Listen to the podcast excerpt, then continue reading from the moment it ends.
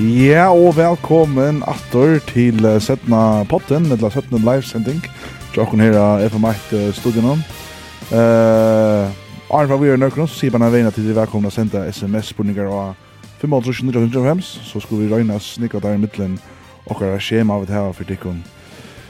Som senast skal jeg bare veien sier fra at det er en kjøtt ombring til at de som lorser vi av FM1. Vi får tåsa sera engst først, vil jeg kalla det. Det er bare kjøla til jokken at skifta nek av sånn ordnån å bruke i uh, NFL. Så uh, vil er simpelthen nødt at, at skuffa der uh, grove føreske lursarne i det. Men da det er sagt, så er vi fullt manna i fyrst fyrir det. Sjalt om Agnar Presta verur av telefonen i sending, så, så skal det nok bliva godt. I rammer, Atter det har vi så vi versen, eller at han, at han må trimme versen det. Axel Berg, nummer 2 sending, og kan ikke NFL-potte, og eisen nummer 2 som var live-sending. Så kan jeg godt ha det skånd i det. Ja, vi har alltid haft en spennende vik i NFL. Uh, vi får at ta oss om det ganske Ivraskan dist nå, mittel anna Dolphins som ser Ivraskan mot Ravens og Redskins som uh, tagga box.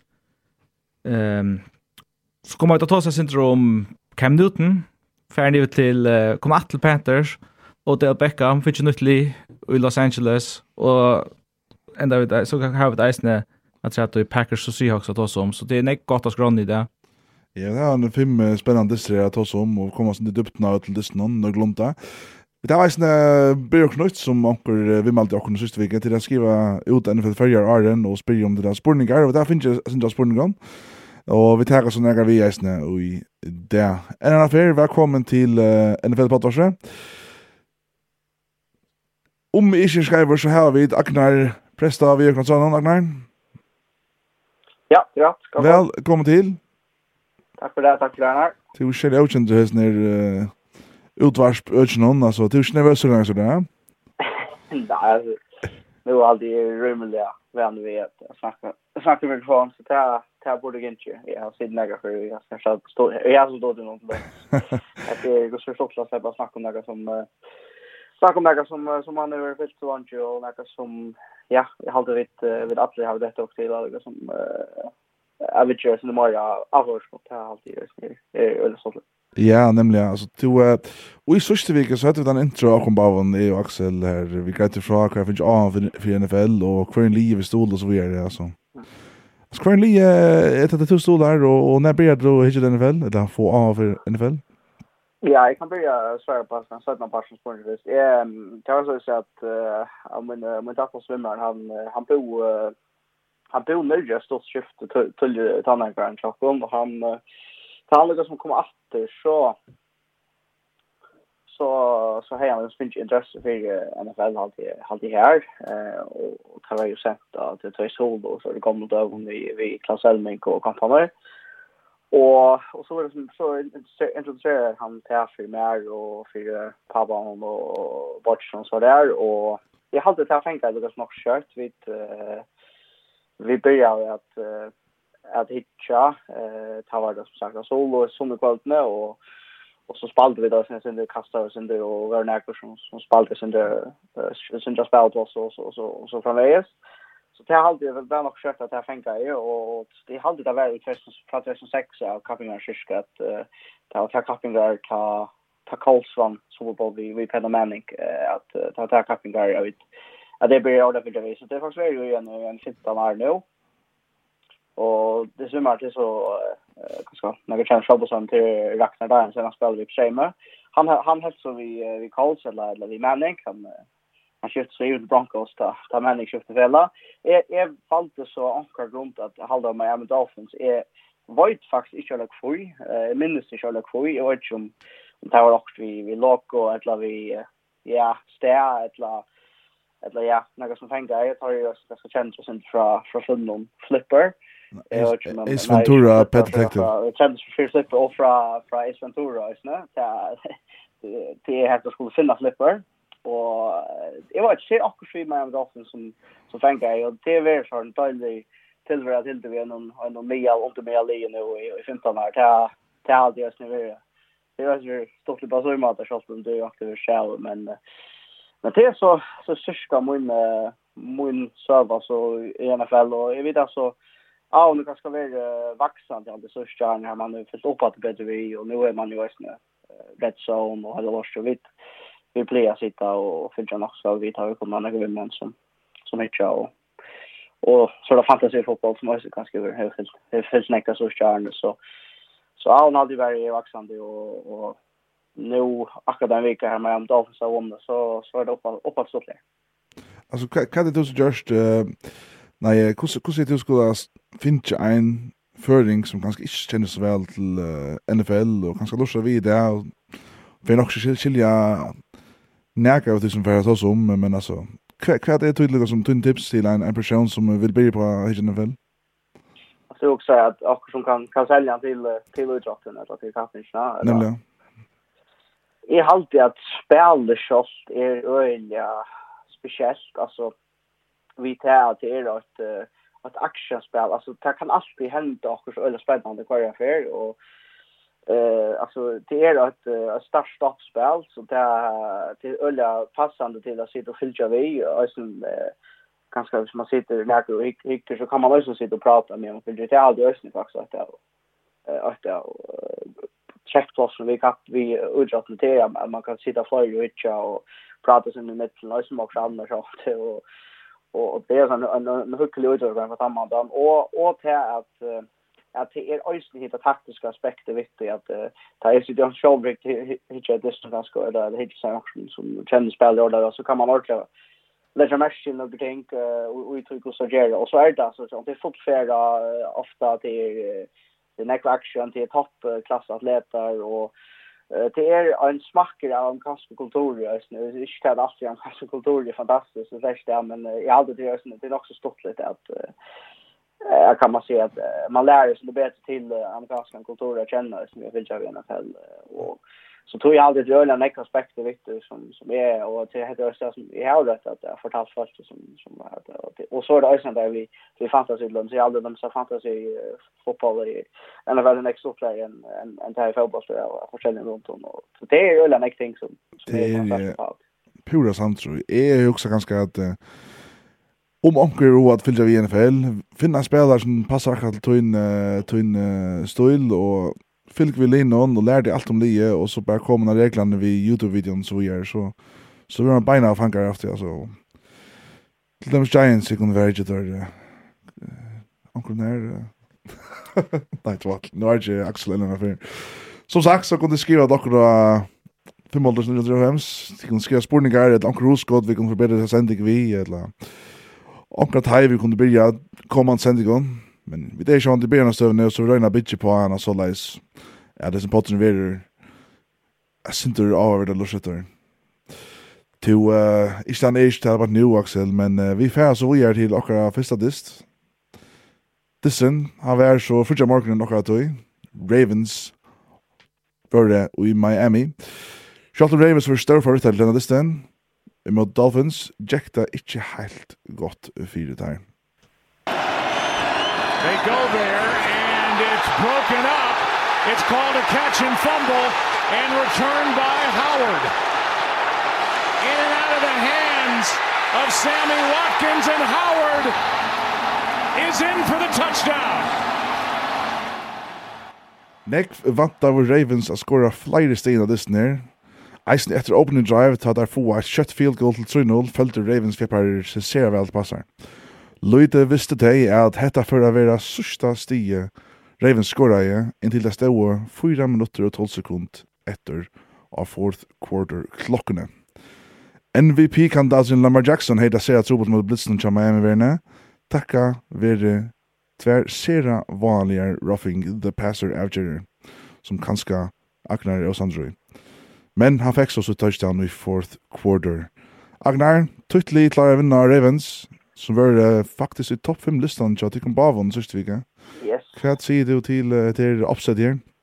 Ja, altså for det første så jeg har sånn at jeg gjør om vikdagen at uh, samband vi er der skulle dekke opp til det med Danmark og Følge vet uh, Kardi rundt, Helsingør, Kardi Lusorges, og vi kjørte, altså, arbeidet faktisk ut i nægge lektor og kvalitet, og kom til Atlanteien, og jeg er nesten glad for det som skulle være, så, så, men så, så också okej okay, så så för jag synte för sjön och så tar ju hitcha drone något som sen shelter jag kan förta mig när när jag har små när jag förta mig när så för långt där så så jag blev faktiskt väldigt överraskad att det var att ta blev på samma sätt som det blev som som du nämnde så var det allra flest som gjorde det. Är vant att jag Remus för att vinna bisten men Dolphins och defense fann upp sig så uppskriften var funnen till det som Gustav skulle hantera och det kortet är mittblitzer som man kallar det. Så det ofta tjej spelare i linjen och, och var det som klarar till eh, klarar till kvar för Ravens för denna vid Boston och så var Lamar Shover ett la ett la om, om han gav bara och gör alltså och då fick Anka den rytm i alla här och Dolphins uh, offensive Dolphins är ju så kort eller väl men men där fick jag lucka några place som som var viktigt några stor place eh ja sammanlagt så alltid ser ju är väl upp och där man kan hålla där Ravens and touches det där där ser väl där ser väl också nek och Jag säga tyvärr ja man kommer ska så sätta igång till när de går och tänker man just att man det tror ju sig nu och till ska det lägga till det som man ska kappa som man kommer playoffs men men det går så en indikation om om man gör något rätt och sälja varje spelare var väldigt imponerande just Ja, det er så helt sikkert. Det er um, øyla flott å klare halta uh, Ravens og Lamar Jackson så nek nyrre i at, at atlantistina, altså som som vi sier, altså et field goal lukka inn til en affær mot enden av fjorda quarter. Det som særlig er, uh, altså, Tja Ravens, det er få simpelt hen ikke rennespill i rikkesten destinon, Eh och där kommer såna länkar third down som där helt klart konvertera Där är 2 ut av 14 av third down i distance. Så ta ta firman ofta han av öllnum är det samma och så ett annat en annan statistik grepp inte det Lamar Jackson här där ringt vi att kasta han djupt det någon om man att alltså tar man hicka till kast från för långt runt 20 yards om man av öllnum så så var han tror ju att 12 var en interception här på ett ehm så variant här alltså vi är taktiska på att locka spel ner och locka ta djup kasten ner och det har så bara rycka öle väl. Ehm um, Men så Jerry James han också agent failar att där fumble som vi lustar ett jobbrotten här på. Då tar man också nu nu kommer det vi vi att drive här på mot ändan this någon och så få få en turnover här som man kort touchar hin vid och Marlon Marlam in lucka distance till är till flott där vi är så konsekvent där på ett um, och ja alltså där läsen att du tänker very very natural events så att det är att jag helt tar jag en rättlig agent upptäckningsfil ta att han Alomar skorar här så löva där lukar som eh åter eh Dolphins att komma framma och skora. Så det är nästan jag syns så vanligt just distan här på Ravens får det köra köra och där gör några också urgent filer som ger att att ta missar den distan spurs med.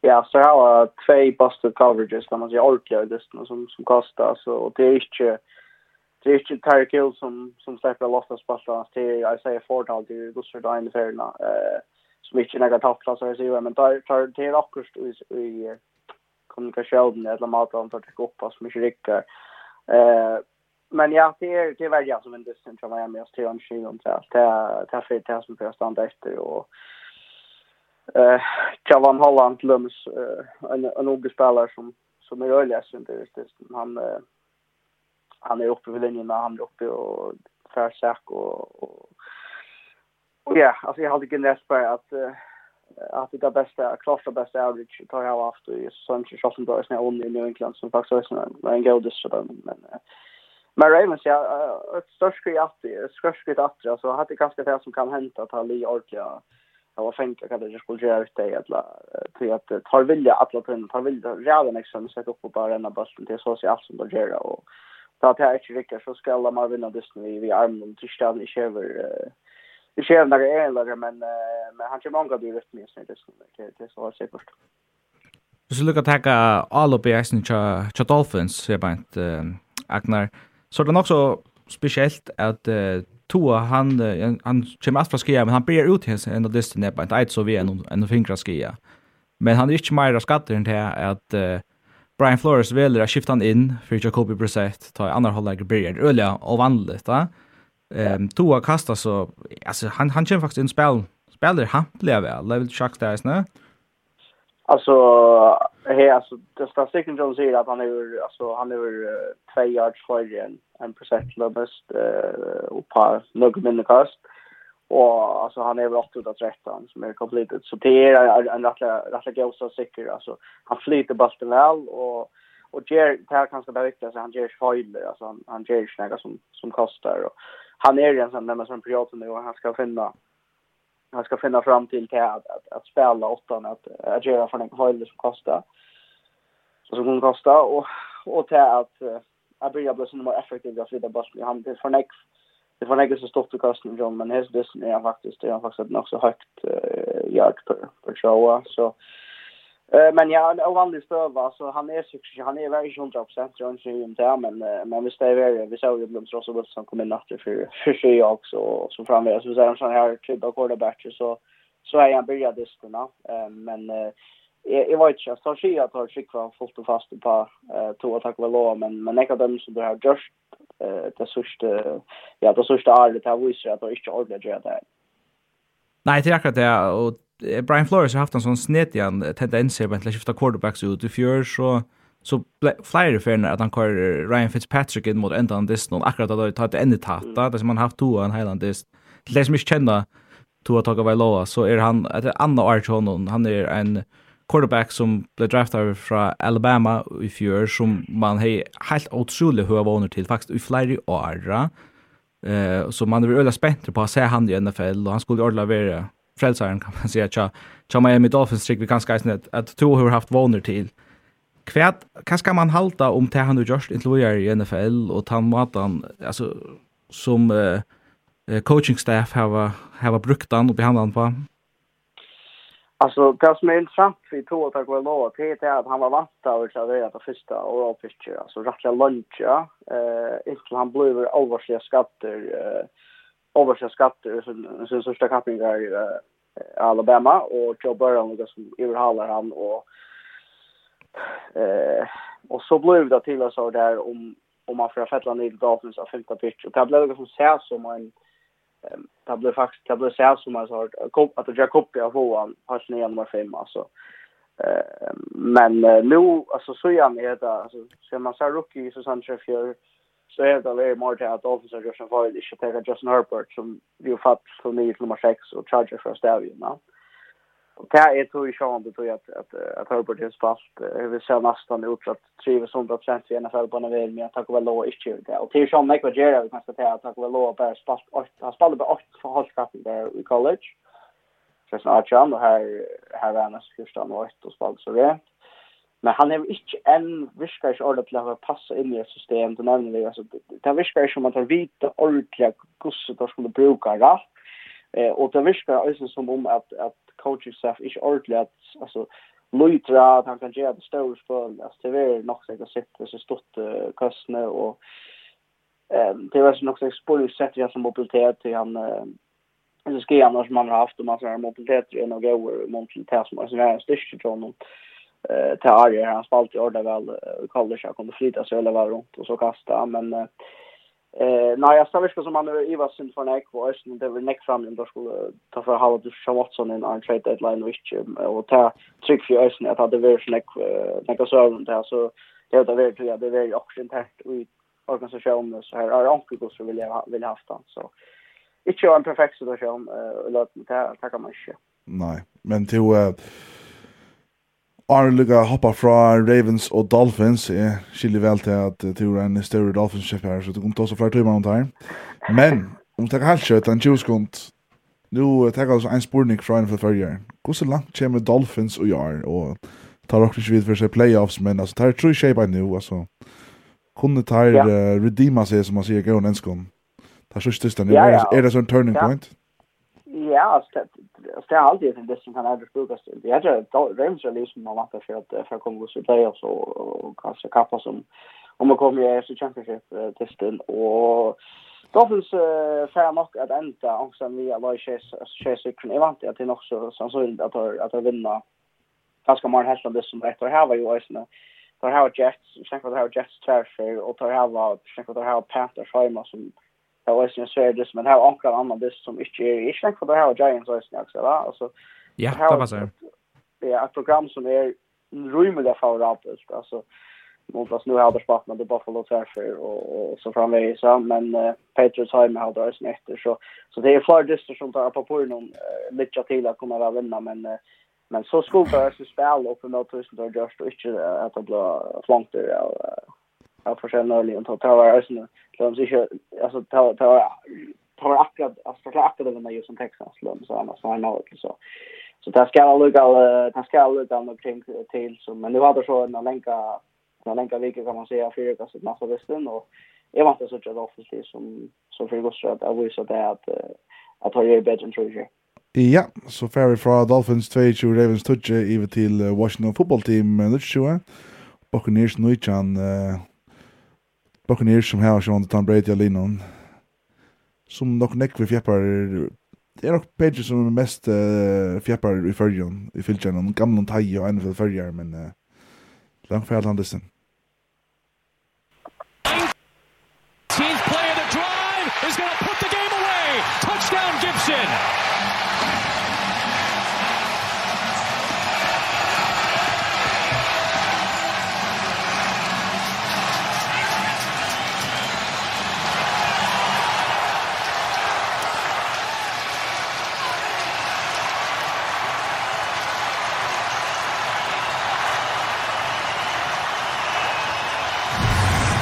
running the zone read handoff to the wide side. You see Heineke make the fake. Ja, Berjan Cha Washington football team here. vi är störst för sig allt där. Har där ordnat såna trubblagar ut tar bye weeks där hade i sista veckan i week nu. Tog det klara av att halta Tom Brady och Buccaneers offense till bära nöjtjan sti. Det sjåan det er stedet mulig at Buccaneers er en uh, losadist. Her tar uh, Jordan Negra feiler som der vann ikke gjerra, eller vanlig litt Lujas Timon. Washington, eller som nekker kallar en Redskins, hei bolten i 23 minutter av dessno. Vi er noen Nujan play drive i fjøra quarter som avgjør distance det akkurat var hårst. Her skårer så Tony Gibson til uh, 22 Nujan som eisen gjør det enda støvan. 22 Nujan, Buccaneers tar tapa, en annen affær. Tony Brown og Krakowski er sidelined. Axel, hva henter du i uh, Brady uh, Mansion? Ja, der kommer reelle ytland av sted, altså fra byrjan i Disney, her Brady fair, tvær interceptions tull i Disney. Det første er ikke hans skilt, det er et, et drop som så endar i hånden av en uh, uh, en Washington football team likare. Jag vet inte läsa Redskins. Ta likare stand inn i skyttkar om någon skulle alla händer opp, du vet og skulle det liksom jopla. Så ser jag där bara, team! Ja. så jag har inte namn. Sin tablet. Ja, jag har alltid, jag har alltid bort bara finna namn till nästa. Det är två år nu. Ja, det är två år nu. Det kommer, det är inte att finna ett namn. Eh, jag bara jag brainstorming session så bort över just det på ett kväll tog sig men men nog nog vet du.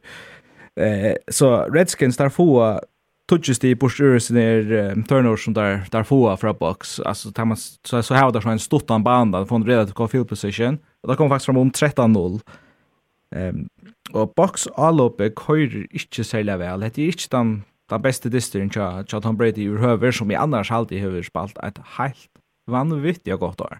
Inte vad gör det? Det är så väl gott nog några några ehm några lätta motståndare han har haft. Men uh, hesten distrin her, ta er han uh, han har två touchdowns, två interceptions, kastar 23 completions utav första attempts för 220 yards. Det är det är under mig alltså honom. Och som säger han manglar Tony Brown, han manglar Gronkowski och Tisha inte nog så kritiskt. Eisen til at uh, Washington football team finner Chase Young skattan tull i distan eisen det tog sammen ganske. Ja. Han har stött den defensive lagaren så nu får problemer av det men Da man hever tvär viker at just klara med Tom Brady i Buccaneers så hever man altså en veldig en fire måneder. Ja, ja, men det är inte defensiva linjen till, till Redskins som är sjövand och just det är faktiskt vi är inte pressar så redan fan vi pressar touch för när det de har angat sack över. Ehm han kastar en öl oftan stort kast för skjoldan djupt i distan men så tar Redskins partner så så som som vi ser tar straffa där på så fel när det gör på där turnover här. Och disteren endar på, altså har ett konstverk av en någon uh, drive att en ny chan play eh drive som teker touch minuter av klockene och ändar jag touchdown som lookar dist alltså 30 sekunder efter dist någon och där där touchdown och kommer från touchdown. Ja. Så det är otroligt flott stein för att alltså utan alla flesta den här på så vill det bulten bli att Chatton Brady vi vi då är flera minuter där så är bara inte att han för förra så ser det ser det skott ut så man skott så men det är jävligt flott att att Rennespelet er det som ber det her på en. Vi måtte enda en distan. Og det var alltid, jeg heldig ikke at, at kjøret det siste ekstra point helt. Det var alltid jeg spillet tøyene, det var plåss på alt og Så Breit fikk ångra tøyer klokkene. Ja, og faktisk, det kom fram over 8 ved touchdown i her på en. Hedde tar, det er faktisk alltid risk, nei, det kom fram over touchdown, vet du. Det er en risk for at han vil returner hinveina, og så er det for 2 tilbake, så er det innenfor 8, der finner alt natter. Så faktisk, jeg har takt det, ja. ja, ehm ett uppsätt en annan affär vi som säger det sista vi guys när så vi vet aldrig kan inte NFL alltså så att när tre veckan det här var en 2 3 4 uppsets bara i i runt ja så. Agnar, hva sier du til uh, Tom Brady? Altså, er det ordentligt, uh, skal man skal som Buccaneers-fan, skal han uh, kanskje tagga expectations uh, nye til Buccaneers i år, eller Ett isen en sitta ett en soppboll att Lars finns så alltid som som du säger alltså att man får alltså man får så stort driva till racing han säger att ting som är så stort i alla fall att det har hänt och massa kvar veckor så det inte snö alltså vi det såg ju vi tog som det vi första sändning shower och det näck i rush i i sista veckan vi knutch och hela veckan var det var det hetta och Dolphins som vi har tagit om och Niners som vi har tagit om och Lions slår från Janlag i Pittsburgh och så får den här försäljer den här ting som som man inte och har varit där och att men så då vinner i Sanchez och så är så det är alltid för det som man Charlie Bonker som man uh, var där och det är ganska frustrerande som man ligger och tippar favoriter men det, det är stort lite hvis man, hvis man fyller vi och jag har alltid ganska, ja alltså jag har alltid känt man ska vara så lite bekymrad hvis man alltid vi bakar ner för Brady till vi vet att när playoffs kommer så så är han så är Melna alltså. Brady och eh för nästa år största playoffs och och Lee är sett upp till att är kappast om om steg i att eh det är kanske bara att tror jag ska ju säsong när det kör igång till vet att haft ju så Saints point inte för bye weeks och har faktiskt tappat för det så ja. Eh och vi skulle slima där alltså nämnde inlägg när jag tar några skier att och sälja det att Antonio Brown är ute till halt i Merchis också vad vi någon att ha hava han vill vara öliga öliga gåvor för det och viktig på distan till kaffingaren här där där var kort på den. Här han han har öliga strikt att kasta till och klarar att hade köpt och och med med så han han manklar sen det nu allt det.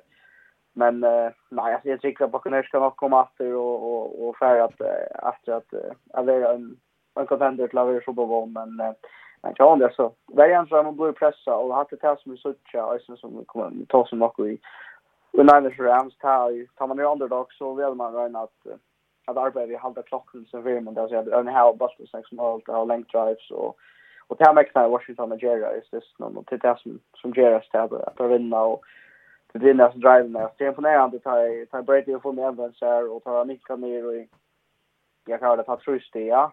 Ta också man ganska okej.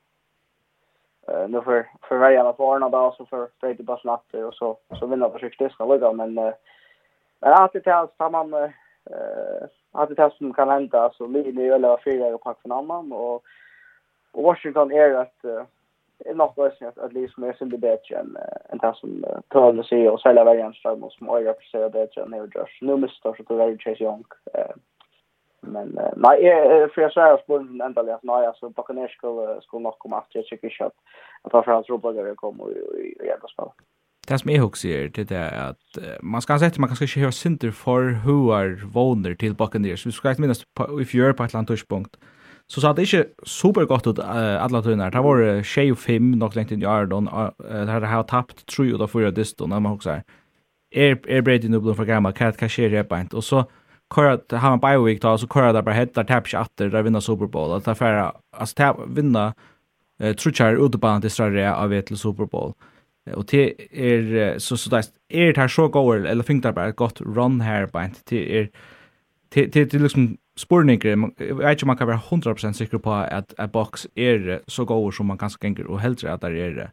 Men det vill så sagt säga att det fyra kommer så på oss är det där viktigt att man har en god god seating och att tappa två sån här distrar mot ett Leon som som är haltet mer vinner mot. Det kan gott kosta durst i ändan. Då det är beinhör capping mot the Packers, Cardinals och Cowboys om misär eh seatingsna. Så det är durst och i haltet att ta moran är marska ser tapp nu så kunna men där skulle nog komma playoffs till Ranchi Divium där och hemma man Tom Brady här så så har man alltid en chans. Ja, då säger jag att kasta skölden djupt i dysten. Men till det som Anthony Brown är till ofta nästan. Han han får ofta en djupt och han vill en en duell när ute så innan. Men uh, nog kom det här uh, nu så uh, Washington football team till New York Buccaneers. Uh, jag har fått några spårningar som hade för det av NFL förra men har fått här så över Onkur skjer dere nja 5.95.95, hei tid, feit podcast, i nekar og i overhøvergan trykker på as Seahawks have a chance at koma i playoffs. Vi tar faktisk Packers Seahawks distan, her vi faktisk kom inn at hans spurningen, så tar vi svær på 17. i sendingene. Spurninger for anfell, fyrst spurninger til Air Browns, kom og tar playoffs hjørn, og vi tidsi etter tarra AFC North, division her. Um, Det er det nyast, men uh, det er ikke til makt. Jeg sier til makt. Axel? Ja, det er tvær måter å komme i playoffs. Ett er å vinne divisjonen av Chaser, og hitt er at få et sånn wildcard plus. Og nå skal man lukka minnes til at for først for fjør så ble det brøtt, nå er det jo Shaley som får playoffs hver dag, så det tror jeg wildcard-li. Men det er fullkomliga proppa alltså till till trafikpropper kan man säga av in till att göra wildcard plus när man kan också nämna Steelers har är 5-3 och 8 eh av femta sida Patriots 6 och 4 Chargers för fem det flyer flyer lille chebe 5 sidorna och mittel andra Browns ehm Browns är nummer 11 av Ötlens linjer yeah. top shake kommer i playoffs. Ja, men Veverin är inte så rävla längre innan. Alltså, tar, tar är tar, tar bara inte utanför det, men kappingen verir hör. Det är mest ju så eisen till att det ska komma upp och köra. Och sist vi gick korta öle väl mot Cincinnati Bengals. Mm Ehm men allt kommer ju det så viktigt. Ja, och så tappar där mot mot Patriots. Så så, så alltså Sverige här är att visst det allt visst det kommer köra så trycker vi på där. Ja. Det här var så uh, det är schedule till the miss för att det till så här där Lions och nej, ursäkta mig, ja. Det var Lions, Ravens, bye week och så åter Ravens, Raiders, Packers. Hade inte det rättaste schedule att ha til Browns. Så uh, schedule messia så sett øyre inte til dem, men, men som sagt så kan alt hända i NFL. Nästa spurning hver, färdigt langt vekk. Begge Mayfield, skal han ha en nytt kontrakt? Det er en så synd det också man ser Begge Mayfield som en quarterback vil jeg så si. Men eh, för det som har kommet, det vill inte kontrakta. kontrakt han heter hans fjärde år i NFL. Man har en, en kontrakt som är gällande i ja, i fyra år man kan förlänga till fem, linje kunde alltid. Så så han har en femårig kontrakt nu Baker Mayfield. Ehm um, man har sent inte ens mer mer till att Javis är quarterback tullia kontrakter. Josh Allen fick dem han drar samma år. Fick han ett champ kontrakt nu ett offseason på 3 miljoner dollar om året. Och um, Deshaun Watson fick eisen tullia kontrakt, Patrick Mahomes Det Deshaun Watson nu 30 miljoner var Mahomes 45 det. Det är till reella stor sommar han så här man kan säga att här kollegan är Sean som är cirka allt som han och är halt det bäst ordentligt han är av samma stöj som är här för Anders. Ehm men det är ekvi fyra månader vi har gett en kontrakt tullja. Man ska men alltså inte efter det att lönar alltså nivåer hackar rävliga kött. För två månader sedan fick Russell Wilson du hackst betalte kontrakterna en quarterback för 500 miljoner om året Det är hikma ett där, det är en billig kontrakt i det. Det är två år sedan, ja. Alltså det alltså jag finns ju kontrakt där så är det väl som Mahomes pengar 45 miljoner tycker vi nästan, va? Och så då liksom har bränt sig ut då. Jag hade Cowboys bränt sig tänkt med Dak Prescott här att han han sa lönar lott för knappt nu får han 40 miljoner om året till jävligt månader. Så det är farligt att boja, men man kan ju inte göra den feilen att alltså hvis man gör det för tulja, här också Carson Wentz, eh Jared Goff, att man ständer man efter en quarterback som man faktiskt inte vill ha man också ah, han är faktiskt 20 år som vi helt att han är så man har länka kontrakt på 5 miljoner man bränner in i en quarterback är halt det make Baker Mayfield, vi vet inte kvärt han för att vara enn. Så tar man hever han för två år att plus man kan gjøre ett franchise tag, man då som tvingar han till att spela att man kan, man kan alltid launcha det ett eller två år longer Så må man boja utan så att man får han till underskriva en öljande goa, billiga kontrakt. Ja, det är större summor alltså det också om uh, salary cap i år det var 102,5 miljoner dollar för ett li. Ja, och kan Baker Mayfield bära en så stor en pasta linje om han ska gänga och häva då är 34 miljoner då. Nej, nämligen ja. Eh till dem så Det man ska minnas sig Browns, det är alltid det som nu så nu kom där playoffs för först för det tror jag för men alltså jag tror jag men Men jag alltså jag hade inte tagit bägge mig för att det var det var först och främst för att ta running game. Då så snart som alla det ställa till att man är ju Nick Chop och en öle del in ju plus plus Curry Mount att jag stod och lövade bumpet alltså det var det var det som som ordentligt bär ligga alltid fram. Och här är quarterback som är psykologer och som Mayfield som man kan få boiler som som kommer reda samma och som också på den maten. Eh i går så kan jag säga från här till så kommer jag alltid att här är här är öliga störst potential ju in och han vi skulle vara potential ju in men är aldrig känner finns förlust till som man kan vara en en första Olympic i Cleveland och på trycka kart. Ja, det är aldrig som man kan se. Nej. Så man är som som skär av sina lön elda blev att han Brady till dem så han får 13 miljoner eller 15 miljoner. Helterna av uh, det som Kirk Cousins færd i Minnesota Vikings. Um, som faktisk lærer nesten spørningen, uh, Vikings til playoffs. Om ja, hvordan langt klarer der, og kvui? Det spørningen til, uh, til uh, Aknar. Ja, altså, Minnesota Vikings er uh, tar halva tar man tar vinner vinner alla viktiga han sier nu at Sean Division men divisionsserie eller konferensserie men det är en leje som är jag ser playoff kaliber och är utvärdelös men men men alltså det mer vi bra alltså vi Vikings tar er nog svingande för skulle finna en en sån balans eh tar väl ju ordla gå ta ta var det eller nek så hade ju det två eller största skivar plus Eh plus det man är när det går välja att man var och tre och så var nog också. Men när det kommer Super Bowl för några år sedan. Men eh tar jag var så vad gäller kanske vi fram att nu eh och så då spårningen Justin Jefferson är då halvt så att man i så halvt så loppning om man ser att han till så stadig grejer men kanske inte så mycket effekt. Eh och så där som man har fått av Cook och Sindra och på Sindra hackar så att han viskar inte alltså han har inte haft ett, ett så störst år som man kanske kunde hoppa han ska göra mer med eh till alla alla bästa running backen och det. är han för så vår startväkt men man kanske inte har det levererat helt tål än som man man kan förvänta av så så några av de ting som skulle hänga samman och så skulle komma. Eh tar tar så kör vi nog sönder show tar för packa så där men tar det här var ta lite bort nu uh, nummer 8 så ut ut så det make get playoff picture så där är bara så kan vi är så så det är alltså en nog så gå kamper med Florida och Grönland vid ju om att få till till sitt ner som är sen där lackrum och satt satt och kända sig säkert. Tar nästa det är då alltså att det kommer playoffs men men det väl här kamp.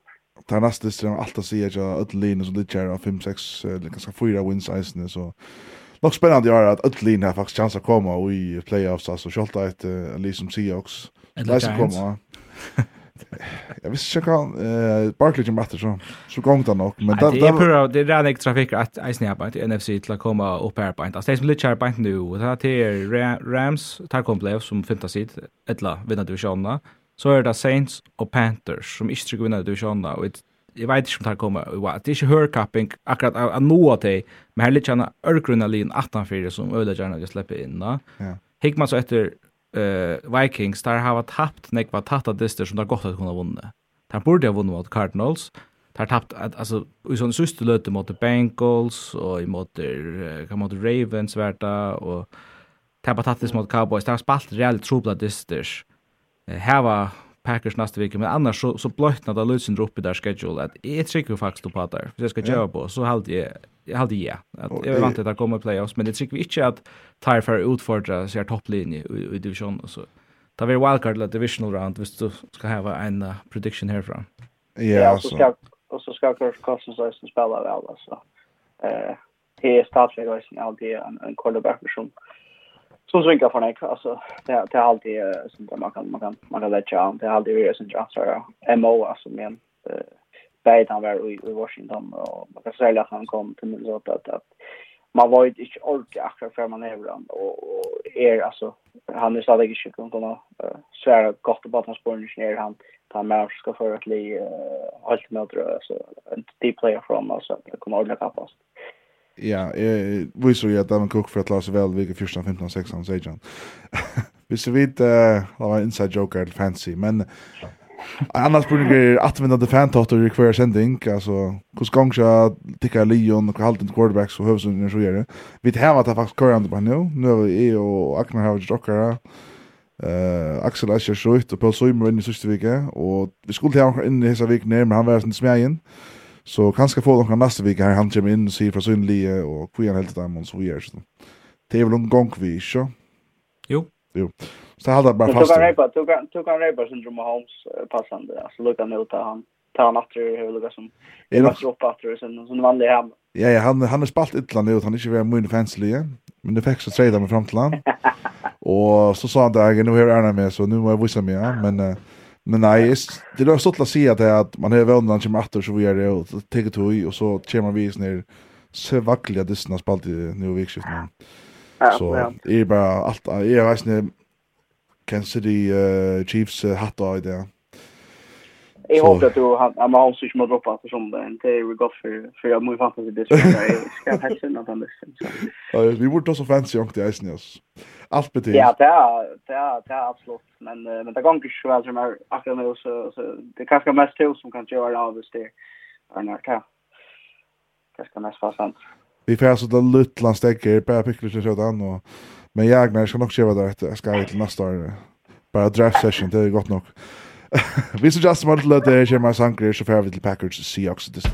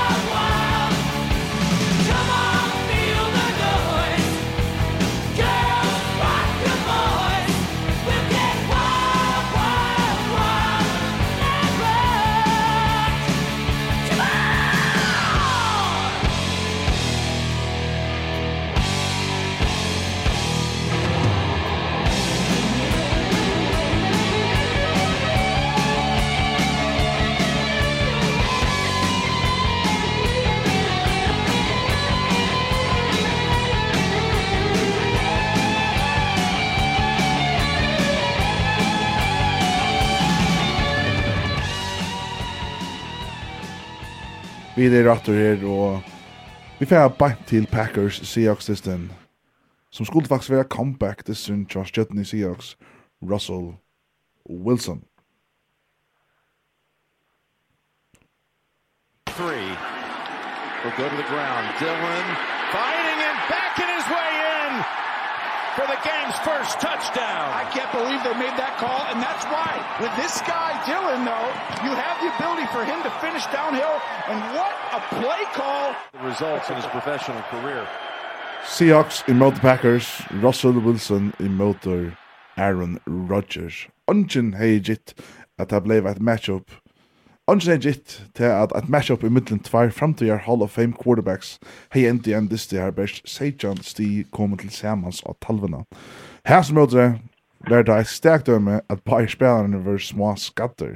Rogers hei enn så kallar toe injury, og her Wilson hei hever nu jotta at han ikkje var 100% etter sin brottna finger. No. Ja. Yeah. Distren enda vi enn Sejan 0-6 til Packers, som kanskje enda vånar for en wildcard plosser for Seahawks i år. Hørt spørsmål ikke nesten Janne. Er dette lykka som enda for Seahawks? Null sti til Wilson Company og i hans comeback til sted. Heisberg 4 spalt Gino Smith. Eh, det er gode spørninger. Jeg husker sin, tar man, tar man kommer inn og spiller til sånn som Russell Wilson gjør. Jeg held ikke man bare kan bruke til at vi må ha en fingerskrive og, og til alt som... Altså, til, til forbøylet. Han spiller en elendig at det det är förfärligt en av ringaste samspalt som lever alltid. Och i varje fall så kämpar han skia men men det kan inte vara förklara inte så alltså han har två interceptions här. Där ena säljer är helt tablet. Alltså ta i, i tre quarter tar man er i red zone och kastar en, en alltså ta stön tror till Packers. stå det tror Packers. Där längt in this nu så man först och bara en affär att scoring drive så då Jan sorts åter this då så det är inte så just att Packers för för dem Men alltså inte kör jag den mest nu. Tar här bollen bara i 20 minuter tillsammans. Till till inte. Till öde skuffande och till hur ska vi gott år på några måta chat time hemon. Det det tycker väl att komma kom playoffs än. Jag ser ju inte nästan till nära alltså så som nu är. För jag ser spurgen spurgen igen. Så hävde du undrar att är möjliga kunde se klara det. Ja, så hvis, hvis Russell Wilson blir lucas så sjåna att det är ett allopp blir att komma gångt. Det hade jag, ja. Ja, och säger mig bara kassa bollen mer till DK Metcalf alltså men Har vi om till dubbelt markover som man säger kan skon men Ich nega Jera cha Seahawks. Hvis vi flyr spekli mot Packers. Metal Fleur, haksta winning percentage i NFL søvne. Vunnet 34 og tapt 8 dyster. 13 tror i første året, 13 til neste året, og nu er han så 8-2 brøytinger hent. Ja, sin drivraskan i heier da han kom her til. Men det har vært nek friar til honom, Det sa ikke pent ut under McCarthy. Han var her godt nå. En tror jeg for, for lunch, hvis du spørs med. Og det har sett seg fast. Men er det kanskje det samme som vi hentet i Seahawks? At man har haft Pete Carroll som har haft, som kom ordentlig vel fra början, va? vinner Super Bowl eh att vi Russell Wilson tulle och i hans här karriär och James Super Bowl är efter och borde ha vunnit han dess mot Patriots är. Så jag antar så har Seahawks eh tar inte kommit från boy divisional round och tar tar distan där vunnit i playoffs. Det är mot alltså där är klart där borde ha vunnit. Ehm Jeg husker at, at, at det er rett sinne fløskjøls. Jo, det kommer til å komme playoffs, men tror du nekker verilige på at Seahawks for å komme Super Bowl? ska alltså I'm I'm quarterback Russell Wilson äger att kunna bära sig lite nog längt handa vägen va. Och man har tagit som alltså rykten har kost lunch om Russell Wilson ut ur Seattle med landan skrev sig kontrakten att också man och kanske han var och då sen trades så ni hända ner ser off season ner. Tilkomst Svensborgen av 5 Nutchalfems Nutchalfems.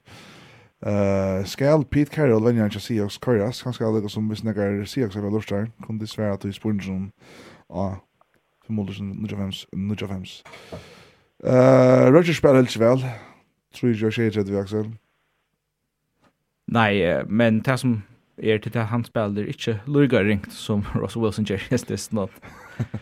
Kanske kan man säga, alltså han är rejst att han och uh, Russell Wilson sa förfärdlig inception som vi tog om här på ett så her för han om han och kan Marla minne lukka dysten og kastla eisen en tablet interception han og takla vi, og han kastla han bara upp luften, i en sån Um, ikke nægge imponerende distriktion i høver på nægge måte, men verja han i veien, tja Packers, øyli, altså, der spalt, han går verja mot Chiefs, eisen senast, og tar helt, i helt faktisk er jo spekler å trakka sin topp touch og verja nere på en, så, så liksom, han helt der, eh betingen av Packers må være en helt god lukka vel til at Aaron Rodgers har hur man aldrig då så allt annat går väl så färdlen så så spår jag ganska färd till Aknar Agnar I shot out null stil til det ene lie og så vet jeg ikke si også i at skjøttensbæren her. Hvordan ofte hender shot out så er et liv er et bæren? For jeg ikke kan stige nå henne. Ikke kjempe. Ja, så jag har ju stålet meg på her, men det är sån det är sån det syns ju så att man att det lagt upp så störande så att men men alltså att se som den kom om alla butcha så ser jag också till för fantasi förlat och sån det att att så det är rostar och locket det så in i resten så det var så när ute och jag hade just nämnt att kasta på lite till Metcalf han är så vill jag över. Han manglar en Chris Carson eh Men jag ska har ha störst till, till Werner Packers som i halt eh, jag hade faktiskt att höra ordentliga bush för så bästa så i det sista veckan eller vad som öliga över i Kansas City. Och det här tar jag Erik ger till att Samson som man hickar går så packar ränna bösten och så går så går Rachel Dillon som som bästa ofta när jag hämtar så att jag minns Alice och Johnson som är här som det ska jag så blöd om ger till man man ser packar som att öliga Lee som kan komma öliga längt i play och så stannar man även alltså kan quarterback som jag har gått mycket kastar touchar ner men som som står ju spel like bättre än än Clemson som där och och de har så gott run game och eh packar ju kom efter linjen. Ja att att jag personal och det som sagt att jag nu så eh was så sist att jag det att Packers så gjorde jag gå någon på nu nu börjar det med matcha för alltså det var öra så jag har sett igen. Och som Hammer och Rogers för lika samma det hade annars där all men det ser så ut till att klicka på den vägen till han han har ska lära vänner som som är större på, på Silding. Jag har också bara stadigt om Pete Carroll, alltså hur snyggt Ars han häva. Omgången kommer från Boy Divisional Round sedan uh, Super Bowl 2015 till alltså. För att liksom Seahawks som har större förväntningar första av Russell Wilson så så vet jag hur jag faktiskt han är än. I halte har vi färbar vi are till uh, nästa distrikt här var skånne. Panthers versus Cardinals. Arne Arnestin möter en topp li topp 1 li i Arizona. Alla har nog sett Cardinals nummer 1 sista veckan. Høyde Panthers ein gamlan kjenning atter alinom. Who is in the game? Cam Newton on second and goal. Re-signed with the Panthers on Thursday. Just three days ago, McCaffrey split out wide to the right. Newton takes the snap, and he is in for a Panthers touchdown.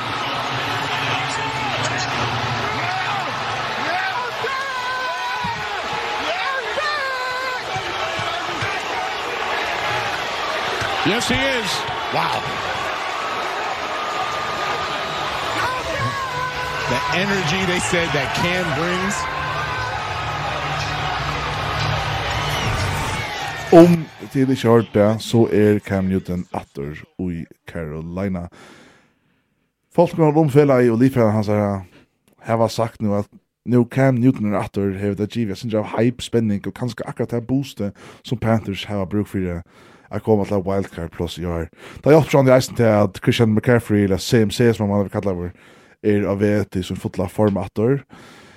Cardinals var til åtta leikar som Kyle Murray, DeAndre Hopkins, og man kan kanskje Eisen nevne J.J. Watt, som er tar et stads oppleikar, 8-8 liger i Arizona hadde gøy vevner å komme Super i år etter en helt så denne byrjan på kategoriet. CMC og Cam Newton for Vörberg for Nick Fyrtar av Denon. Panthers vinna 34, tutje i møter sit eit linon vil de mett ui ötlen NFL. Axel og Agnar, takk Axel fyrst. Cam Newton, hva, hva djever han til Leiser Heli som faktisk hever haft a strava det siste fyrste viknar i NFL? Det er en god spurninger. Nå så vi den bare Luika og uh, noen helt, helt fa place i dessen. Det er så godt nok tverfinnar nere i, i, i, i goal line här här vet vi att Cam Newton är fantastisk. Alltså en av de bästa nägrarna i NFL. Akkurat eh, så till att jag räddade in av goal line. Men eh, jag vet inte om jag ska vara så spänd på att Cam Newton är åter i, i Carolina. Han, han var inte som vill det här va. Kan säga. Alltså, han är ju sitt bara, han sitter hemma. Och jag tror inte att han inte vill ha haft han. Han blev kort i fjör reisen i Panthers. Du tar inte vill det här va. Eh och se ver onsite lunch till Patriots så tar han. Eh så just då här hever han att han blev vant då faktiskt till Patriots och han vart bara kort för att han och Scholton där bara han rookie quarterback. Hur tek man så åter? Alltså Sam Darnold och skatten nu så han det och han kanske inte lever upp till hypen men alltså Jag ställer som där Jerry är från front office till Carolina. If you're det att så jag vi där språk för Cam Newton Mara, man den största spelaren där franchise. Och så väljer jag att ta Teddy Bridgewater Och jag hon en stor kontrakt, alltså tror jag tror tror miljon dollar. Så jag måste säga nu är nu tätt i den nu jag på ta. Ehm och det räcker inte. Og så ta det så så ser man så tradar man för Sam Darnold som vi kicksa i Jets för ett second, fourth och sixth round pick, nog snake. Eh och så räcker det inte och nu rör man bara Cam Newton, va? Och det det det är skratt så jag är sitt ingenjör på inte. Alltså tar tar tar salary cap situation hon är hon er eisen rettelig hardt rakt av hesen her, for, og for sin tekniska arbeid, da, tar betala en, altså det har ett dead cap hit, jeg skal nok forklare det her, altså på, på Teddy Bridgewater, på 16 millioner i år. Det er mest til det, at ta du gjør en spelare så stor kontrakt som det, så som han fick då den jeg tror jag 30 miljoner. Ehm så är det nok så pengar som är garanteret er, och det ser vi så kvar spelaren fra, hvis du kortar han, så har du stadvek, skal skilda du stadvek en stor part av lønene vågar år etter, og kanskje flere år fram till høyene. Som teler i samma market cap. Ja, som fer uten salary cap. Så der har et cap hit i år på 16 miljoner på Teddy Bridgewater. Nästan 20%. Ja. Och nästa år så har der et, et dead cap på 19 miljoner på Sam Darnold som där inte vill ha mer alluga va.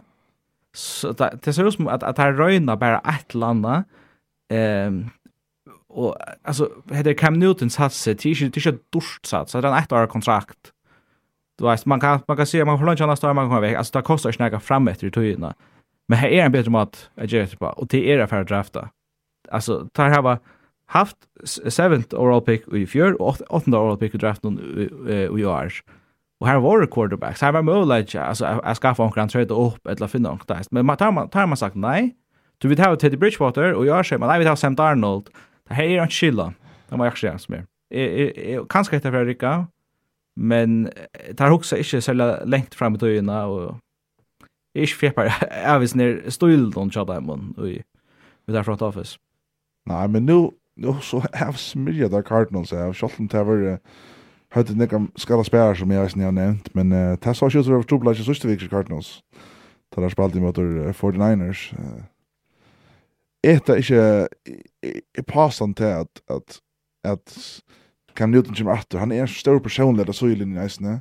Han kommer till läkaren här och, och, och han är så käntor och, och tycker väl på han han står såna så i den här och hypa männar upp kvar att göra ska om han blev liksom skatter på en spaltsniga det som över så kommer han över blir inne att när en två veckor i, i Panthers så tar ju som låt ju ehm Jag ska ta Jerry Jerry Scott har för utlar och städlar ut igen och du vet hypa där upp du vet alltså det är något annat än man färna superskötna. Jag tror han inte spalt på sig bästa sista året, men alltså. Det är något annat, det ger något annat. Det kan akkurat kanske gömma rätt. Och andra gör det här. Det är han skriver om att att det ligger också mål bollvir och göra när man hantar den in. Alltså, det är som Axel i Allen, ja, så det är inte ett businessmodell som, som är rydda. Det är några fel franchises skulle filtra, kan jag det. Alltså, men eh det är inte Sean där att att han han och så Sean där han han där vänder bussen in för strand och så kastar han en nostra kast alltså han han han har varit så han ger ger han mål med Atlant där men det är ju också nu det som händer just att att ta börja distance och level Panthers och där det är ölen jag säger akkurat det som det så Cardinals börja distance så level så stort och i utvärd mot the Niners och kvar var jag kvar så bara härifrån och all vänner för vänner det var vi kommer med hästar börja vara ytla. Eh och så så gång till innan tar man rottan eh för det viktigaste avspärren med man rottan tredje watt och så framvis så så så så sasta bara bättre ta ta det med gång den där det schaffnet hade vi gång så men eh men intressant att att Carolina för här och, och vinner så gott men eh, är ju precis nu om om Cam Newton eh, projekt eller något heter det för att jag lojar till att uh, Carolina för att jag kommer orda länge till playoff men, uh, men det är en skymma då för kappa som om playoff på så eh jag var så kan ut a better lotion än PJ Walker i den specialen hade han spelade en en helt okej just men jag hade kanske man nu inte så så strikt kan jag säga att uh, Sam Darnold det är det är lotion och ta ta bort man kanske säga och sen där spelade vi just så det är inte men det är ju näck för spel så går det Jets ofta men uh, här kanske jag väntar. Jag väntar vi ju.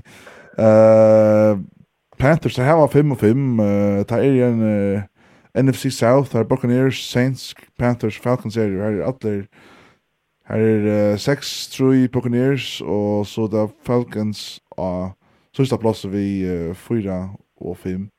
Her kan alt henta og Panthers altså hvis at lar Corner the same her vi er fra fraligt med det winning mot Carolina så så hade jag en chans att komma playoffs här och kanske kunde det förbättra sig under Cam Newton. Det här var sjön det Washington football team i nästa vecka som är sen dricker det stör men det har lagt det med Dolphins i isen 8 november.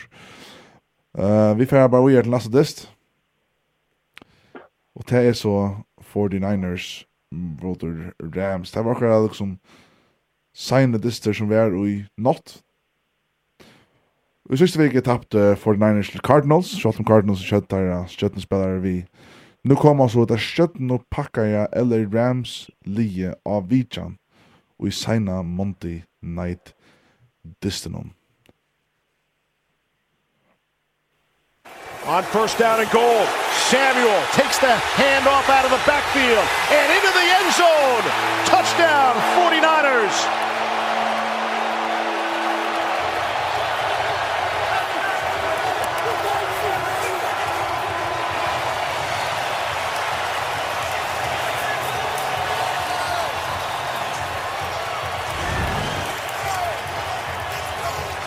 That's his great vision by Debo Samuel. And watch how he bops that out the backside. And did you see the block by Brandon Ayuk? Jimmy Garoppolo's uh, 49ers kom med 3-5 i distan. Så hetta var faktisk altså, must win for San Francisco hvis det skulle ha noen mulighet å komma i playoff søttar under distan. Uh, Tar spalt det som det var større chanser. Tar så det var vettlån. Kyle Shanahan, venjaren til 49ers, sier 100% fokus and believe in your ability to succeed. Og ta vurstar eisne tar du nera i boar syra bolten hon og vundes den 31 tutje Væren til San Francisco sett til honom distan hon tvei interceptions fra Matthew Stafford. For hans er tvei tvei mot fyrste drives. Uh, ta fyrir var langkast til nutja OBJ som var stås om Odell Beckham Jr. fyrir var en yngreslagaren til Axel Berg sitter vi av mer Garoppolo, som Vi sette var Max Anemia al quarterback sist vika, förde distance som en ordentlig lejare. Ta hjalp til sjående Dibbo Samuel spalte sin besta dist ui år. Uh, Axel, Rams, 49ers knusar rundt Aknar? Hva hendres disten der? Det er dist sjåan, ja. Øylind samt dist ikke etter hukte parsa om her for så og parsa mangot. Det er, jeg halte at tas som vi var sin in i allt tas som tas som Washington gjorde det Tampa Bay. Alltså så för det var ju till en en klocktest alltså det är det är en dist här har rön att att bruka röden jag tror ju att Georgia. Alltså den första drive till extrema vita basten nog så sant men väl vända basten ek spela öle aggressivt och öle fysiskt få av värna till Rams att att blöda trötta och Och så en, en Jimmy Garoppolo som är eller effektiv. Han är inte han är, är inte så wow kastande som som det är är quarterback som vi snackar om. Han kommer han han är eller effektiv spelaren just det i stösnon och Och där är öle väl drökning för det där ja för den där så här var den linje som som kan ströja som Eldris ner. Aaron han Donald och kampen där faktiskt Rickard Alfred Bermond så har vi ju spelar som Trent Williams och så har en en Kittle som som bäj är öla viktig som säkert som till alltså en en goer tight end the lost the bus från alltså öla går upp och kära och då får sagt där rätt upp där och så har då typ på Samuel som är det viktigaste vapnet i stösten han var öla goer eh och så en av som som är som bäst nu så öla var som vi att eh bäj för stress och Stafford eh och men alltså att secondary som som är läser spel väl och och vi snackar med det jag kommer upp med så där över Rams i större med Dolphins där gjorde Rams och Sandwich alltså man man sa öliga väl till att att ha spel och tar Robertwood som som tyvärr släkt i halva släkt att ta crossbandet släkt vikna halta där att eh och ta för att Charlton då finns ju backup då han också ska fragera och komma om för då så så så blir det like för alla börjar att Robert Woods Robert Woods är ju en öliga eh politely så var jag så han är alltid för alltid när jag eller går resten mer långt upp någon och spelare som som som tar för sakna. Och man säger att Stafford är ju är öliga han är inte han var inte komfortabel och nu har Rams tappat för det så jag menar att jag snackar om att heter så något superlig och Arvin Rommler och Beckham men eh det mag den nog så där vi just lite något men men det är ju att nog kring för kom bättre på på plats då när jag med. Woods är så tre likern är att säga veck fancy gör och blir en skatter långt där skatter så man kan väl inte helt fancy isne. Det är ju snackat för att att du fick där Woods från Eric så. Ja, jag har ju en tvåmlig gång i halsen med mig efter det här. Ja, det heter Afton Gustafsson Gränsson så är är till sån öliga han smarte för mig alltså han är ölla alltså ölla avdan där när han han spelar som som Rams absolut eh för sakna och eh ta hände som ett schakt vikne att ta nog inte köra finns tror just där och så här och jag hade om kanske spelaren som är ju flyr klasser bättre än det då ska ta snacka om så då med det är vi att att man kom till Charlia Gerald det så man kunde själva få Beckham i mitten alltså ställa för tatt på ena sidan och Gerald såna som tänkt och som som Ramsey som annars skulle göra offense han känner ju offense nu väl så nej till men vi tar för spännande eh alltså när det skulle komma oss det är att man måste ju ha angående den grejen om att San Francisco där var bra det om va Jag har en spurning faktiskt annars för vi är det till uh, Jippin Distan. Uh, en skriver her, spyr Agnar kväll han helst om Jimmy Garoppolo. Ja, jag känner också som han aldrig Niners. Alltså, jag har alltid att uh, tar man sig om det, tar man draftar Trey Lance som liksom på ett turspunkt i ES podcasten som vi får handla podcasten någon gång efter är nog för att snacka någonsin om.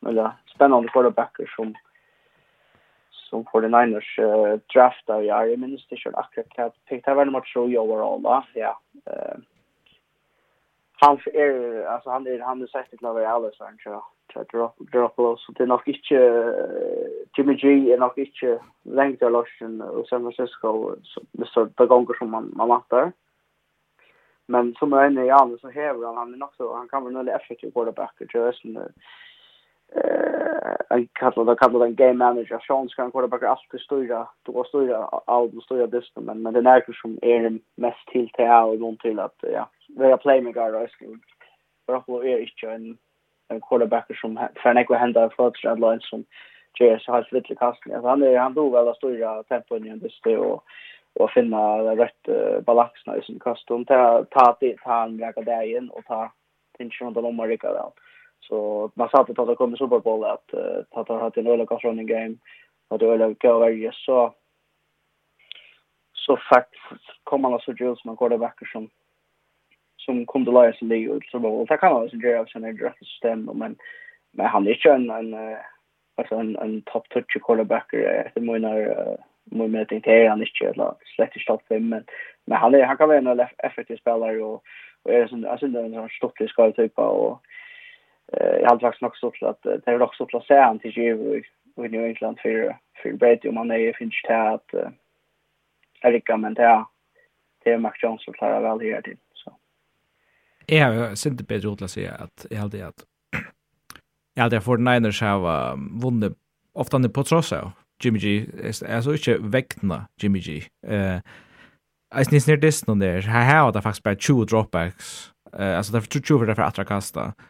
Eh och det shortcast Korea Fair men där renna bulten tror ju fjärd för när det snona.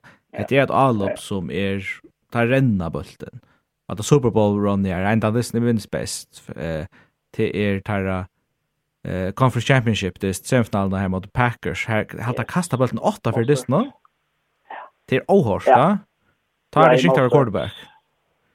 Eh och i Super Bowl halt är så isne att man ser att han är sindre av marskar Jimmy G vis man ska alltså vinna vi har men men Tarli är så gott. Men av hur värst att fan så ser så harst efter en en rookie quarterback där går där trade ju två first round picks för att flytta upp och i upp upp på tredje plats för att få ett Trey Lance. Alltså där har Ordla satsa alla framtiden på att Trey Lance han ska vara han som bär där vi är. Får så sådär. Man går eist brukt på styrstelig annars, og så bare kors vi Jimmy G. Men jeg tycker han, han vil ikke ha sånn at for den ens nästa, det tycker vi lutt på. Og jeg skrever seg dessen til å være Ray Moster, som, som var den større støtten av yeah. han som leder.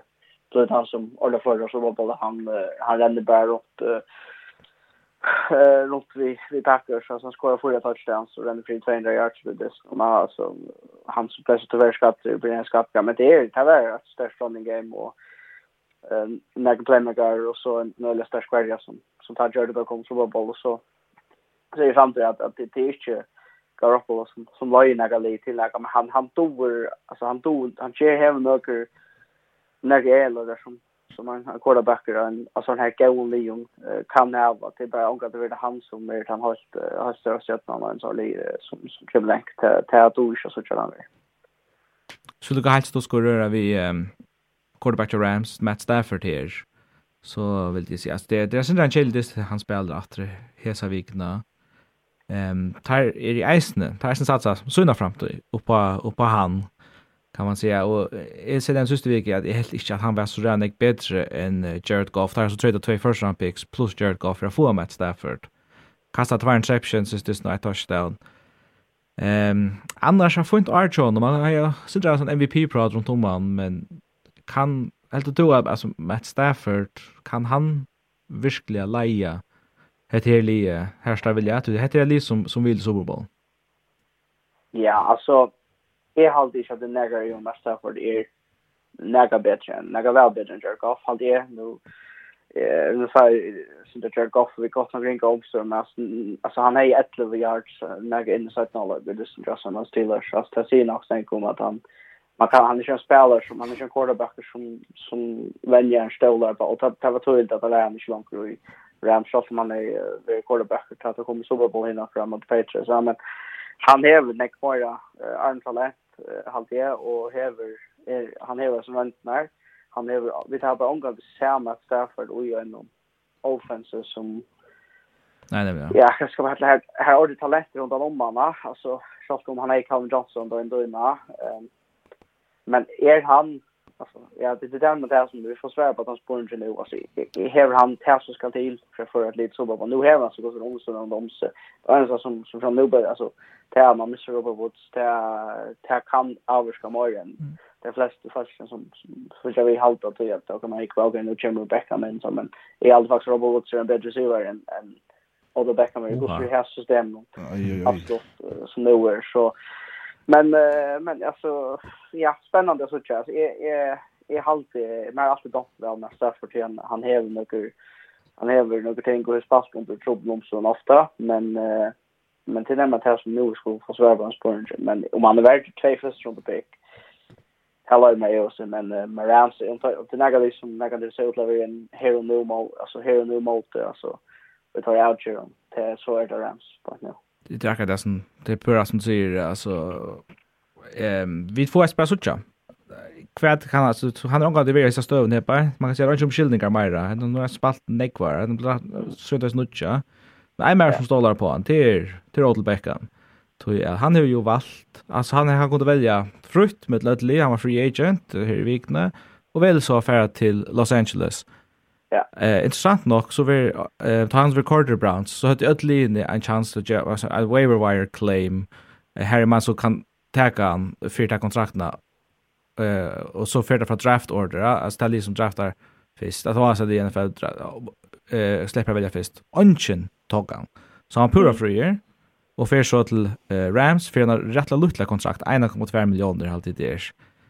Ehm så eh, man kan säga satsi är nog så luhiti här på tja tja Rams men det är jävligt spännande det heter heter de över som häver alltså hvis man kan ta som upside så så är det är det fire receiver i NFL som har hackar upside en Odell yeah. och man kan alltid man kan alltid köra han alltså du kan korta han efter.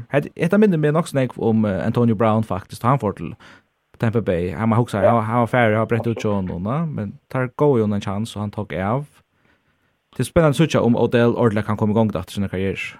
Halt i esne. Han, det er ikke godt ut i Browns. Han har gått nok uh, det første året for 1000 yards, men som jag ikke så uh, mer avancerer i stedet, Pro Football Focus, så er han omgått jo mer enn så er mye gåer her på et. Um, men nå venter vi fokus emot um, Det er generelt front office stullen, eller hva kan jeg si?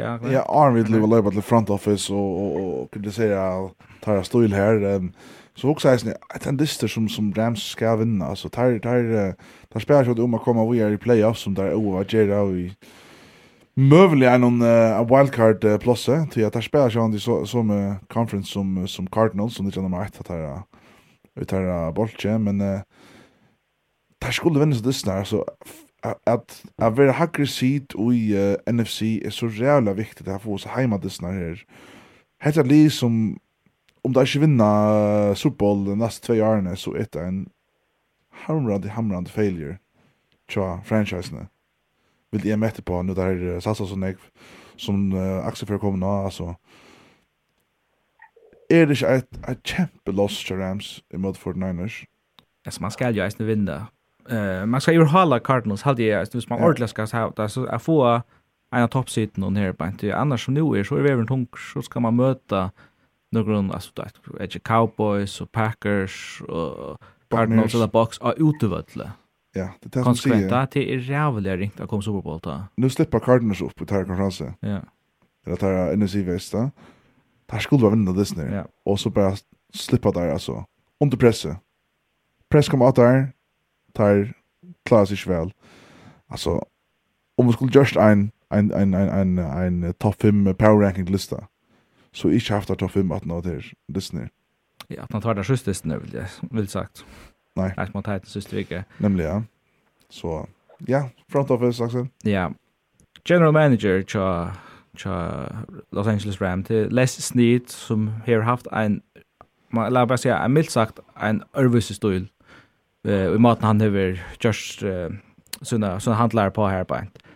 Uh, Rams flyttet til Los Angeles til Seichan, og ta trade i der uh, tvei first round picks for å flytte opp at teka Jared Goff i draften og til året. Um, eller, I first round pick var det. Uh, det står pluss, han er ikke et draftkapital annars. Så igjen ta, så kan man säga så att det görsta om att om att om att vi att att här få släppa sig av sin första picks i framtiden. Där kommer faktiskt inte så Jared Goff till Seichan. För det är inte här var ett first round pick at for ikke dekna fram til 2024. Etter tjej år utan at velje første rundt igjen. Det er, jeg har aldri hørst om nægge som hører som tatt på etter. Og for tækere er trøyta sin til jøkner. Som sagt, er 2016 der, der, der vi gjør det ofte men det er 2016 draft, første rundt vel som fyr eh, vi trøyder. Året etter så trade trøyda derfor Brandon Cooks, eh, och Jeva tar 2018 första rundt pick, der trade atter ur 2019 i 2021 picksene, det hadde trade for för Jalen Ramsey, och nu Matt Stafford vi tar första round picks i 2022 och 2023.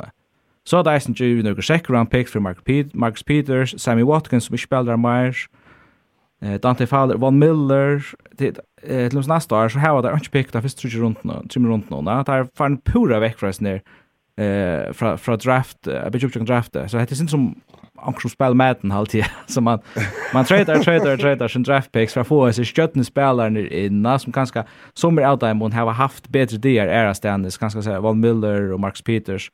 Jag snackar free agents som är sin stortligare som har fått in där. Så, så det ska rikka och hickar man etter tæra salary cap situation så är det också så særligt vi att att här fann väck från eh uh, Jared Goff och där får jo eisen rettelig tullig väck från Todd Gurley Bayer tar fick kontrakt tulja som vi nämnde för vi Baker Mayfield ska man göra kontrakt tulja. Tar har bränt sig så harsh som man kan bränna sig och på sig kontrakterna vill jag sagt. To gör Goff har stadväck att kämpestörst.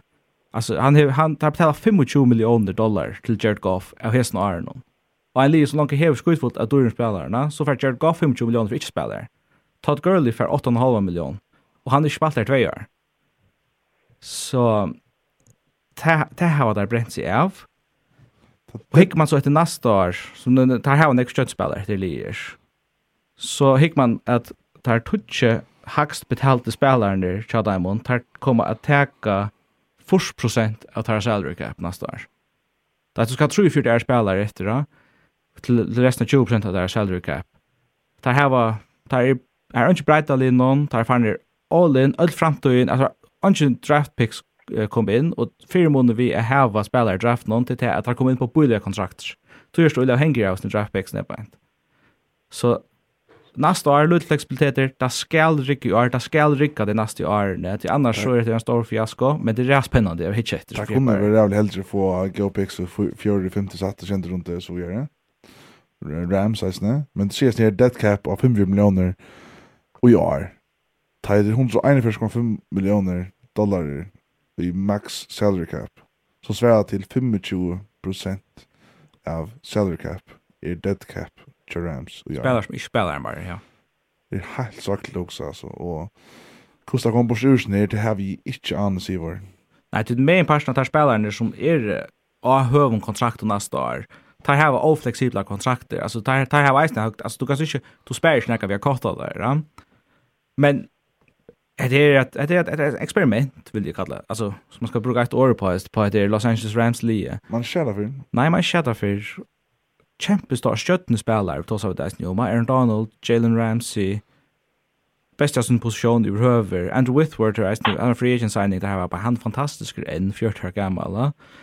Ehm jag har vi sätta för rycka. så så trycker vi för att skjuta Myra och ner framåt. Till Lee har varit nog så då ganska för atterhaldande vi har trade sin första round eller att det är special draft picks as det är halt det är så het het het omvänt out då och visst det bara rycka någorlunda så så så kan alltså så kan Les Need vara bitla bröd NFL fullkomliga. Ja. Och jag har alltid haft så jävla sant där nu och och det som det det det comeback för oss nu om det liv för två 3 first round picks och bliva kämpestor på en väg för för så klassa läkare där och så Det det det det kan här köra front office kör Rams kan ge det att only faktiskt som tar att trade för till dem så vi kan ta Lions till dem så Goff uh, pitcher i uh, Norska. ju Lions Stafford. Stä? Jo og ta kunna Carl Goff fra sig till alla garanterar pengar der henga Rams ändå på att tar trade han någon Ja. Ta kan trade en ny quarterback nästa år. Och ta färd nog kan det Ja ja. Nu ska vi välja högt i draften nästa år.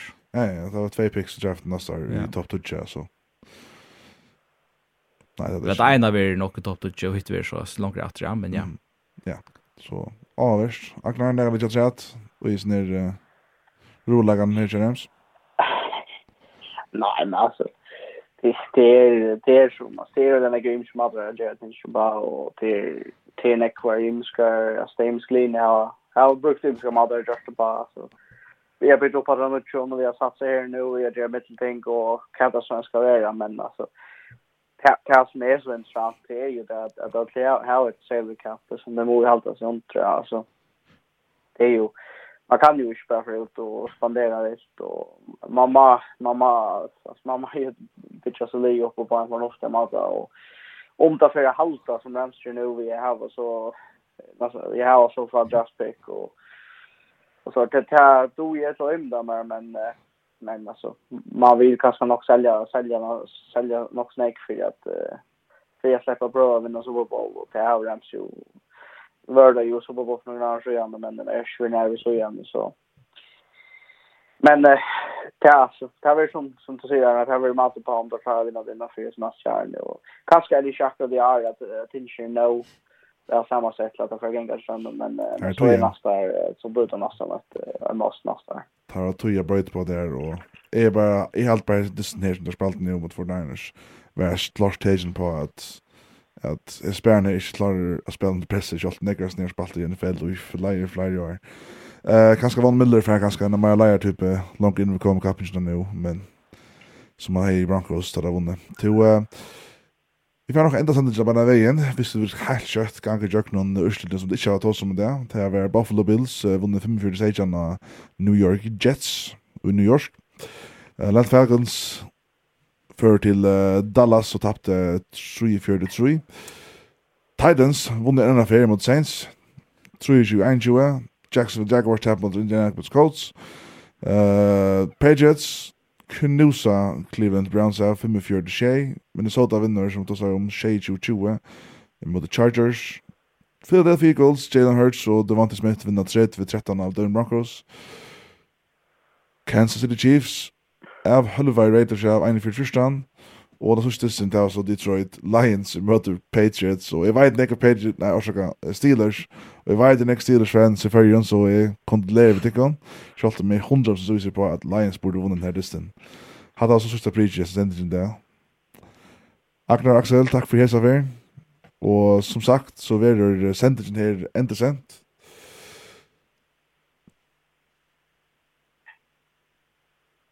Abelga. Abelga.